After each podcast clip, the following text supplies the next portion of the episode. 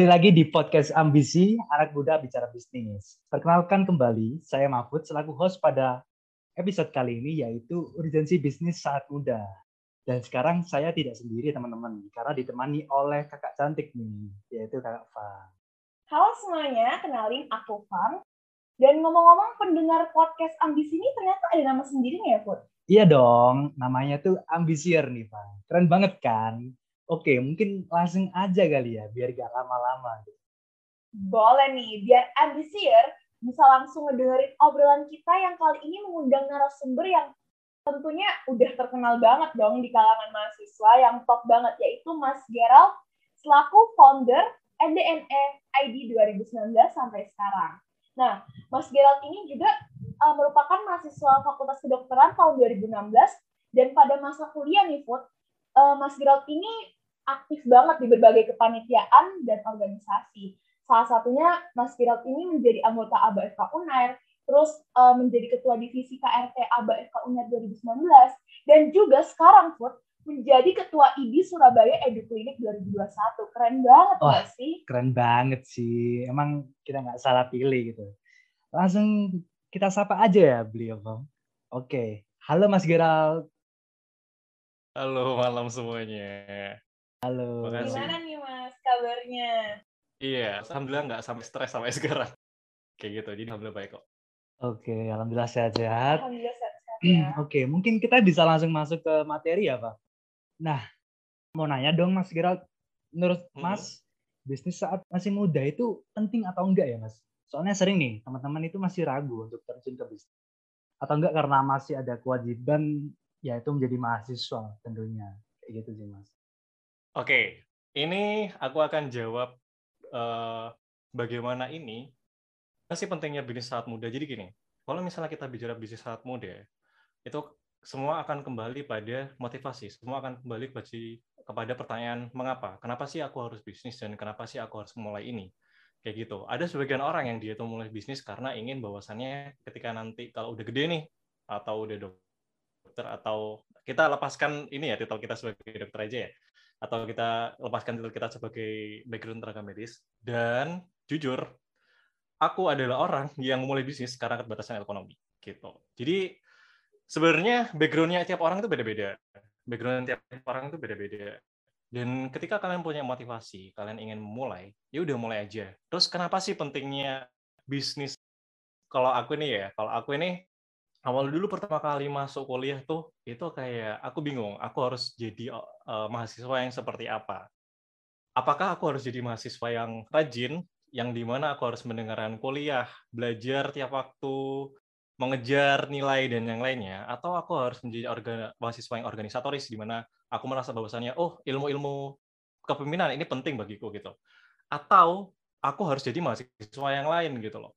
Karena begitu aku masuk FK UNER jujur, begitu aku masuk FK UNER, yang ditanamkan waktu pertama kali itu cuman jadi dua mahasiswa. Kalau kamu nggak jadi mahasiswa klinisi atau mahasiswa akademik, ya kamu jadi mahasiswa organisatoris. Cuman dua ini aja.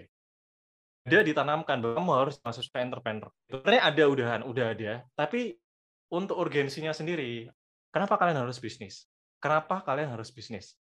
Dan menurutku ya, kalian udah menjalankan bisnis, itu ternyata manfaatnya itu lebih dari apa yang har kalian harapkan.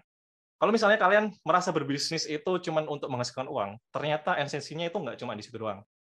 Kalian akan belajar gimana mengatur waktu, kalian akan belajar gimana caranya untuk mengatur keuangan kalian sendiri, kalian akan gimana belajar gimana caranya manajemen resiko dan yang lainnya. Banyak yang akan kalian pelajari kayak gitu. Dan itu nggak bisa didapetin kalau misalnya masuk ke organisatoris kayak gitu itu kalau menurutku sih gitu Oke, keren banget ya jawabannya. Uh, jadi sebenarnya Mas Gerald ini memulai bisnis karena uh, bukan terpaksa juga sih, karena emang tuntutan dari uh, lingkungan mungkin ya bisa dibilang seperti itu. Dan Mas, kalau Iya. boleh tahu, iya, kalau boleh tahu nih mulai berbisnis sejak kapan ya Mas? ah ini pertanyaan bagus nih oke jadi sejak kapan aku mulai berbisnis aku mulai berbisnis itu semester 2 semester 2 aku mulai berbisnis kalau misalnya aku dibandingin sama teman-teman yang lain, kayaknya uh, aku kalah ya. Karena beberapa teman-temanku ada yang udah mulai berbisnis, startnya mulai SMA. Atau ada yang mulai startnya itu mulai semester 1 dan yang lainnya. Kayak gitu. Tapi inti dari berbisnis, itu bukan bukan dimulai dari seberapa lama kalian udah start bisnis. Yang dinilai itu adalah konsisten bagaimana kalian menjalankan bisnis yang udah kalian mulai. Kayak gitu. Nah, sejak kapan sih aku udah mulai masuk dunia bisnis? Jadi gini nih ceritanya aku mulai masuk ke dunia bisnis itu awalnya itu di semester 2. Di semester 2 itu waktu kalau zamanku ya, zamanku itu waktu aku masuk apa ya, faal, biokim kayak gitu-gitu sih. Nah, kan ketika semester 1 kan aku udah merasakan tuh semester 1 kayak gimana gitu ya. Dan waktu itu ruang kuliahku di Propadeus. Di Propadeus itu kayak ruang kuliah besar, satu kelas itu isinya itu 100 orang gitu di semester 2 itu aku ngelihat kesempatan, aku ngelihat kesempatan bahwasannya teman-temanku ketika semester 1 itu kebanyakan mereka itu jualan makanan di depan. Mereka jualan makanan di depan. Kenapa mereka jualan makanan? Karena ketika semester 1 itu kebanyakan orang-orang itu ketika istirahat itu nggak cukup istirahatnya. Jadi ada yang kuliah itu mulainya jam 7, baru kelar dan baru istirahat itu jam 1 itu ada. Jadi kayak jam 7 sampai jam 1 itu kan diteter terus-terusan gitu ya. Istirahat itu paling cuma 5 menit atau 10 menit atau 7 menit atau 8 menit perpindahan dari satu mapel ke mapel yang lain kayak gitu kan ya. Tapi ada yang kayak gitu gitu, diteter dari jam 7 sampai jam 1. Nah, itu biasanya anak-anak itu eh, mengambil itu dengan jualan. Jualan itu jualannya itu taruh di depan, entah itu jualan eh, apa namanya? makanan kayak atau itu jualan keripik dan yang lainnya. Nah, waktu itu aku semester 2 itu aku mulai uh, ngerasa bahwasannya uh, kenapa nggak aku coba juga gitu loh buat jualan? Kenapa nggak aku coba buat jualan gitu? Tapi aku belum punya background apa-apa, aku cuma memberanikan diri aja. Jadi waktu itu ya namanya bisnis ya, namanya bisnis itu kalian udah harus mengambil resiko. Jadi take the risk. Jadi kalian udah harus ngambil resiko. Jadi awal-awal bisnis itu aku langsung nyoba nih kayak apa ya makanan harus aku jual ya. Aku waktu itu beli keripik singkong gitu. Aku beli keripik singkong harganya lima puluh ribu uh, intinya kalau misalnya satu keripik singkong, jadi satu kresek keripik singkong itu kalau nggak salah ada 20 tuh. Kalau misalnya satu keripik singkong itu habis, uh, itu waktu itu aku jual itu pokoknya uh, untungnya 25.000. Jadi kalau misalnya satu keripik singkong itu habis, itu aku bisa untung 25.000 dan bagiku itu lumayan gitu loh. Karena 25.000 itu bisa buat aku untuk makan dua kali sehari minimal kayak gitu kan ya. Karena kayak gitu itu bagiku lumayan. Dah dari situ, dari situ itu feeling bisnis itu mulai keasah. Jadi keasahnya gimana? Gimana caranya? Jadi kalau udah mulai, kalian udah mulai untuk jualan, kalian akan otomatis itu kalian akan ngasah feeling bisnisnya kalian. Feeling bisnis yang biasa itu kayak gimana? Jadi gini, ketika kalian udah ngerasa bahwasannya, oh kalau misalnya aku jualan segini, aku bisa dapat keuntungan segini. Aku jualan apa lagi yang bisa, yang di mana aku bisa dapat keuntungan lebih banyak lagi, kayak gitu. Nah itu itu udah mulai terasa dengan sendirinya gitu loh jadi yang dari jualan keripik aku mulai ke jualan es terus di muter di dua itu doang sih jualan keripik jualan es jualan keripik jualan es kayak gitu muter gitu doang nah akhirnya muter di situ terus aku ngerasa ya namanya jualan awal-awal ya awal namanya jualan awal-awal tuh kayak yang laku itu cuman awal kalau awal-awal kan yang laku banyak ya tapi ketika di akhir-akhir itu yang laku itu mulai sedikit kayak gitu nah di situ di situ itu kalian akan diharapkan pada dua pilihan. Pilihan yang pertama adalah gimana cara kalian bisa survive, dan pilihan kedua adalah apakah aku harus menghentikan ini dan mengganti bisnisku eh, ke bisnis yang lain, atau aku harus terjun ke bisnis yang lain. Dan waktu itu, waktu itu, karena aku udah melihat bahwasannya ini itu kayak lautan biru ya, lautan biru di mana uh, udah banyak yang jualan di sana. Jadi aku memutuskan untuk berhenti untuk jualan gitu. Aku memutuskan untuk berhenti jualan dan aku mulai pivot pivot bisnisku ke bisnis yang lain. Kayak gitu. Jadi dulu awal-awal itu kayak gitu. Jadi intinya gini, kalau misalnya kalian ingin bisnis dan apa namanya kalian ingin uh, berkembang, nggak usah ke mana-mana. Maksudnya nggak usah nggak usah mikir apa-apa gitu loh. Intinya mulai aja dulu. Apa pun yang bisa kalian mulai, ya udah itu mulai. Karena insting bisnis itu akan keasah dengan sendirinya. Kayak gitu. Itu sih awal mulanya aku dulu. Hingga akhirnya dari jualan itu aku masuk ke les privat mandiri, les privat ke anak-anak ya, anak SD, anak SMP, terus sempat pernah cuci sepatu kalau dulu itu namanya kalau nggak salah ergel wash. Jadi kalau misalnya uh, mahasiswa 2018 itu mungkin tahu ya, angkatan 2018 itu tahu Ergel Was. Tapi itu sempat tutup karena aku adalah orang yang mencuci dan orang yang melakukan pekerjaan itu sendiri. Jadi aku sempat tutup dan hingga akhirnya ketika Ergel Was itu tutup, selang enam bulan aku baru uh, membangun NDNA. Jadi gitu sih. Wah, keren banget sih Mas. Benar-benar uh, yang udah dibilangkan sama Mas Gerald ini apa ya? Benar-benar bener-bener menginspirasi gitu iya dan kayak alurnya tuh bener-bener membuat tertegun sih aku kayak kalau jadi Mas Gerald mungkin pada waktu itu pada seumuran Mas Gerald semester 2 aku pasti masih takut banget sebenarnya poin utamanya tuh harus berani dulu nggak sih Mas Iya. Benar-benar. Poin utamanya itu harus berani karena gini, ketika kalian jualan itu otomatis ya, otomatis, otomatis kalian itu udah merendahkan harga dirinya kalian. Gitu. Kenapa? Karena gini, kalau misalnya di masyarakat, di masyarakat itu kita itu selalu dilihat bahwasannya ketika orang itu jualan, ketika orang itu jualan, entah itu apa pun, entah itu dia jadi pedagang, itu berarti di mata sosial kita dipandang sebagai orang yang butuh uang, kayak gitu. Jadi di mata sosial, karena kita dipandang sebagai orang yang butuh uang, otomatis kita dipandang sebagai orang yang ekonominya menengah ke bawah. Kayak gitu. Padahal nggak selalu kayak gitu kan. Aslinya nggak selalu kayak gitu. Tapi otomatis kayak gitu. Ketika kalian mulai bisnis, hal pertama yang harus kalian urus adalah apakah kalian mau untuk mengontrol harga diri kalian gitu loh. Jadi ya minimal emang merendahkan sedikit lah harga diri kalian.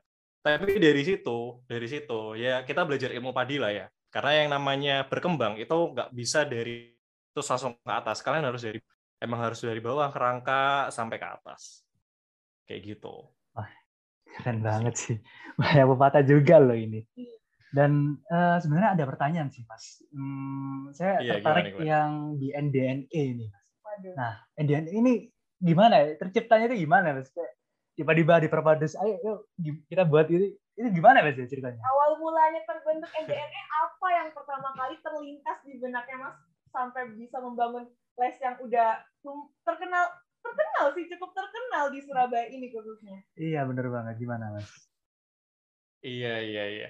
Oke, jadi awal-awal bangun NDN itu gimana ceritanya? Jadi ceritanya itu berawal dari uh, aku tadi kan sempat cerita bahwa saya dari ketika aku berdagang jualan makanan, aku sempat pivot bisnis. Aku memutuskan untuk berhenti stop bisnis itu dan aku coba ke yang lain ya. Kayak gitu. Nah, ketika aku coba yang ke yang lain itu, aku mulai mencoba untuk mengajar, mulai mengajar. Nah, ini cerita unik juga nih pertama kali aku bikin les privat, pertama kali aku bikin les privat, aku langsung buka les privat buat anak, anak SD sama anak SMP. Dan waktu itu, waktu itu aku uh, ini ada yang nanyakin juga sih pasti. Pas waktu itu di mana sih ininya apa namanya promosinya? Jadi waktu itu aku promosinya itu cuma lewat Facebook, terus lewat OLX dan yang lainnya, cuma lewat itu doang sih. Nah, terus dari situ itu awal pertama kali buka kan uh, apa namanya aku nggak punya ini ya apa nggak punya pengalaman ngajar ya. Otomatis kan orang pasti ragu kan. Tapi aku suka banget ngajar. Dan otomatis tahu kalau misalnya apakah kamu itu pernah ngajar atau enggak dan jujur waktu itu aku nggak pernah ngajar gitu loh. Tapi aku suka buat ngajar aku suka buat ngajarin. Dan waktu kartu karena hal itu aku pertama kali pasang harga buat les privat itu jam eh 90 menit. Itu aku pasang harga 20.000 buat SD sama 20 pertama kali itu juga uh, pertamaku itu adalah murid dari Sidoarjo. Aku ingat banget ketika waktu itu aku harus ngajar jam 4 sore dan pulang jam setengah 6 malam. Dan aku berangkat otomatis dari Surabaya itu harus jam 3 sore. Aku berangkat jam 3 sore, sampai rumah eh, anak les itu jam 4, dan setengah 6 itu udah selesai, baru jam setengah 6 sampai jam setengah 7 kurang lah aku baru sampai sini. Jadi kalau dihitung-hitung sih ya, dari 25 ribu, itu paling 10 ribu itu udah habis buat bensin, sama 15 ribu itu baru bersih yang aku dapetin gitu loh. Jadi gitu. Jadi itu pertama kalinya. Jadi itu pertama kalinya, uh, apa namanya, aku buka sesan. Dan waktu itu emang pelanggannya pertama kali emang dapatnya dari Facebook sih, waktu awal-awal itu. Gitu. Terus apa ya? Yang bikin orang tertarik itu biasanya adalah karena background sih biasanya ya, karena background. Karena aku waktu itu juga menjual background bahwasanya aku adalah mahasiswa kedokteran dari FK UNER. Jadi orang-orang itu tertarik kayak gitu. Terus apa lagi ya? Mungkin itu sih. Jadi dari situ itu aku berusaha berusaha ngasah dulu. apakah cara ngajarku itu udah bener dan yang lainnya dan uh, aku udah masuk ke dunia privat ini dari tahun berapa ya? Aku lupa. Dari tahun 2017 apa intinya aku semester 3 sampai aku semester 5 jadi dua tahun. Eh tiga empat lima. Oh sorry. Satu tahun setengah lah. Satu tahun setengah. Jadi satu, satu tahun setengah itu aku udah mulai ngajar. Nah kan aku udah bilang tuh ketika kalian udah mulai bisnis otomatis insting kalian akan terasa kan? Dari ketika aku ngajar privat itu otomatis insting bisnisku insting bisnisku itu mulai terasa awalnya yang aku mau mulai untuk membuka les-lesan untuk anak SMA sama anak SMP itu awalnya aku membuka tuh tapi aku urungkan kenapa aku urungkan karena temanku sendiri, waktu itu teman satu angkatan juga bikin les-lesan untuk anak SMP sama anak SMA. Aku lupa namanya, kalau nggak salah, uh, eh, Yuk Sinau, Yuk Sinau kalau nggak salah. Bukan yang Sinau Yuk sekarang ya? Oh. Yuk gitu. Sinau kalau nggak salah, aku lupa. Iya, uh, aku lupa kalau nggak salah. Tapi itu khusus buat SMP sama SMA. Kayak gitu. Terus aku ngerasa kayak, kalau misalnya uh, aku buka masalah gini di di platformnya temanku ini di platformnya temanku ini yang ngajar buat anak SMP sama SMA ini itu yang ngajar itu ada anak-anak olimpiade yang dulunya olimpiade kayak olimpiade biologi olimpiade fisika olimpiade matematika gitu kan otomatis kalau misalnya aku buka lesesan juga buat anak SMP sama SMA itu pasti aku kalah gitu loh itu nah akhirnya pada akhirnya aku mulai uh, ngelihat bahwasannya uh, kalau misalnya aku buka lesesan buat kedokteran gimana ya?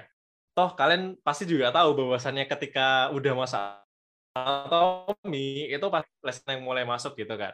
Ya udah di situ aku ngerasa kayak oh ini kayaknya bisa nih ini bisa nih kalau misalnya aku buka tuh dan pertama kali aku buka itu aku mulai ngajak teman-teman satu angkatan ngajak teman-teman satu angkatan kerja sama sama teman-teman satu angkatan dan alhamdulillah mereka mau. Dan di situ aku berusaha bikin bahwasannya gimana caranya aku bisa paling murah dan paling worth it kayak gitu. Dan akhirnya terciptalah NDNE sampai sekarang gitu. Aduh keren banget ya sih? Banyak sejarah loh itu. iya ternyata NDNE yang selama ini aku ikuti ternyata sejarahnya backgroundnya tuh seperti itu. Buat aku baru tahu iya. banget sebagai anak NDNE juga nih promosi ceritanya okay. kalian lah ya iya nah uh, mas Eh, kira-kira uh, nih pada era sekarang kan sudah masuk ke industri 4.0. Tips-tips untuk memulai bisnis bagi pebisnis muda yang tepat nih sebenarnya gimana ya mas? Biar bisa laris manis yang ada tips dan trik khususnya nggak? Sebenarnya kan berbeda berbeda sama yang konvensionalnya dulu gitu ya. Yeah. Gimana sih mas? Menurut pendapat mas tersendiri gitu. Oke, ini pertanyaan bagus nih industri 4.0 ya. Padahal kita udah dicanangkan mau masuk industri 5.0 nih habis ini. Yeah. Nah, buat industri 4.0 ini gimana sih caranya buat bis kita memulai dan bisa survive di sana ya? Karena gini, 4.0 itu gini, misalnya kalian bisa menjangkau semua apa pun itu melalui internet atau melalui device yang bahkan kalian pegang segenggaman tangan, kayak gitu kan. Nah, sekarang gimana cara kalian survive dan apa yang membedakan ini dengan bisnis konvensional? Kebanyakan di dunia bisnis sekarang itu cara menjualnya itu nggak hard selling tapi soft selling. Hard selling itu kayak uh, apa namanya? Kalian langsung jual. Ini adalah air putih gitu. Kalau kalian nggak minum air putih, kalian akan haus cuman gitu doang. Tapi kalau misalnya soft selling, ya kalian menjual air putihnya gitu loh. Dan kebanyakan orang itu nggak mau beli barang yang dia itu hard selling. Tapi mereka akan beli barang yang dia itu soft selling. Kayak gitu ya. Nah, terus di industri 4.0 ini, di industri 4.0 ini, uh, biasanya anak-anak itu banyak yang takut, banyak yang takut kayak gini. Misalnya nih, temannya udah ada yang jual kue. Terus dia juga merasa bahwasanya dia bisa buat kue dan jualan kue. Nah, apakah harus jualan kue atau enggak? Tanya nih. Nah, sekarang ini ada suatu cerita, ada suatu cerita bahwasannya misal nih, wah sorry nih aku sebut merek ya jadinya. Sorry. Jadi misalnya kalian berjalan di lorong, kalian temukan ada vending mesin tim merah sama tim biru gitu ya. Misalnya kayak gitu. Nah, itu akan merubah pertanyaan kalian dari apakah aku harus minum atau tidak menjadi mana yang harus aku minum. Kayak gitu. Perbedaan dari satu vending mesin, kedua vending mesin, itu sangat berbeda gitu loh. Dari yang awalnya pertanyaannya, apa jadi mana yang harus aku beli? Apakah aku harus beli Coca-Cola atau Pepsi? Kayak gitu. Nah, uh, itulah yang menjadi alasan kenapa banyak warung kopi itu ada di satu tempat yang sama. karena itu tadi ketika mereka ngeliatin satu warung kopi yang di satu tempat ini di mana banyak warung kopi orang itu akan lebih menggugah hatinya untuk mana kopi yang harus aku beli daripada apakah aku harus minum kopi atau enggak kayak gitu loh jadi nggak usah khawatir meskipun kalian ngerasa bahwasannya teman kalian itu udah jualan apa namanya kue dan kalian ingin jualan kue juga kalian merasa bahwasannya kalian juga punya potensi gitu loh ya udah nggak apa-apa mulai aja gitu loh terlepas dari apakah itu berhasil atau enggak, itu adalah urusan nanti. Yang penting kalian memulai. Karena dari kalian itu udah one step closer. Jadi kayak itu udah kalian bisa menuju ke langkah-langkah berikutnya gitu. Itu. Gitu sih. Uh, Oke, okay, terima kasih banyak buat Mas Gerald. Ternyata uh, seperti itu ya tips and trick dari uh, memulai bisnis baru ya nggak sih? Bener banget. Apalagi di era industri 4.0 ini kan banyak Iya. saingan iya. gitu. Dan ternyata tuh nggak sekedar memulai bisnis aja loh.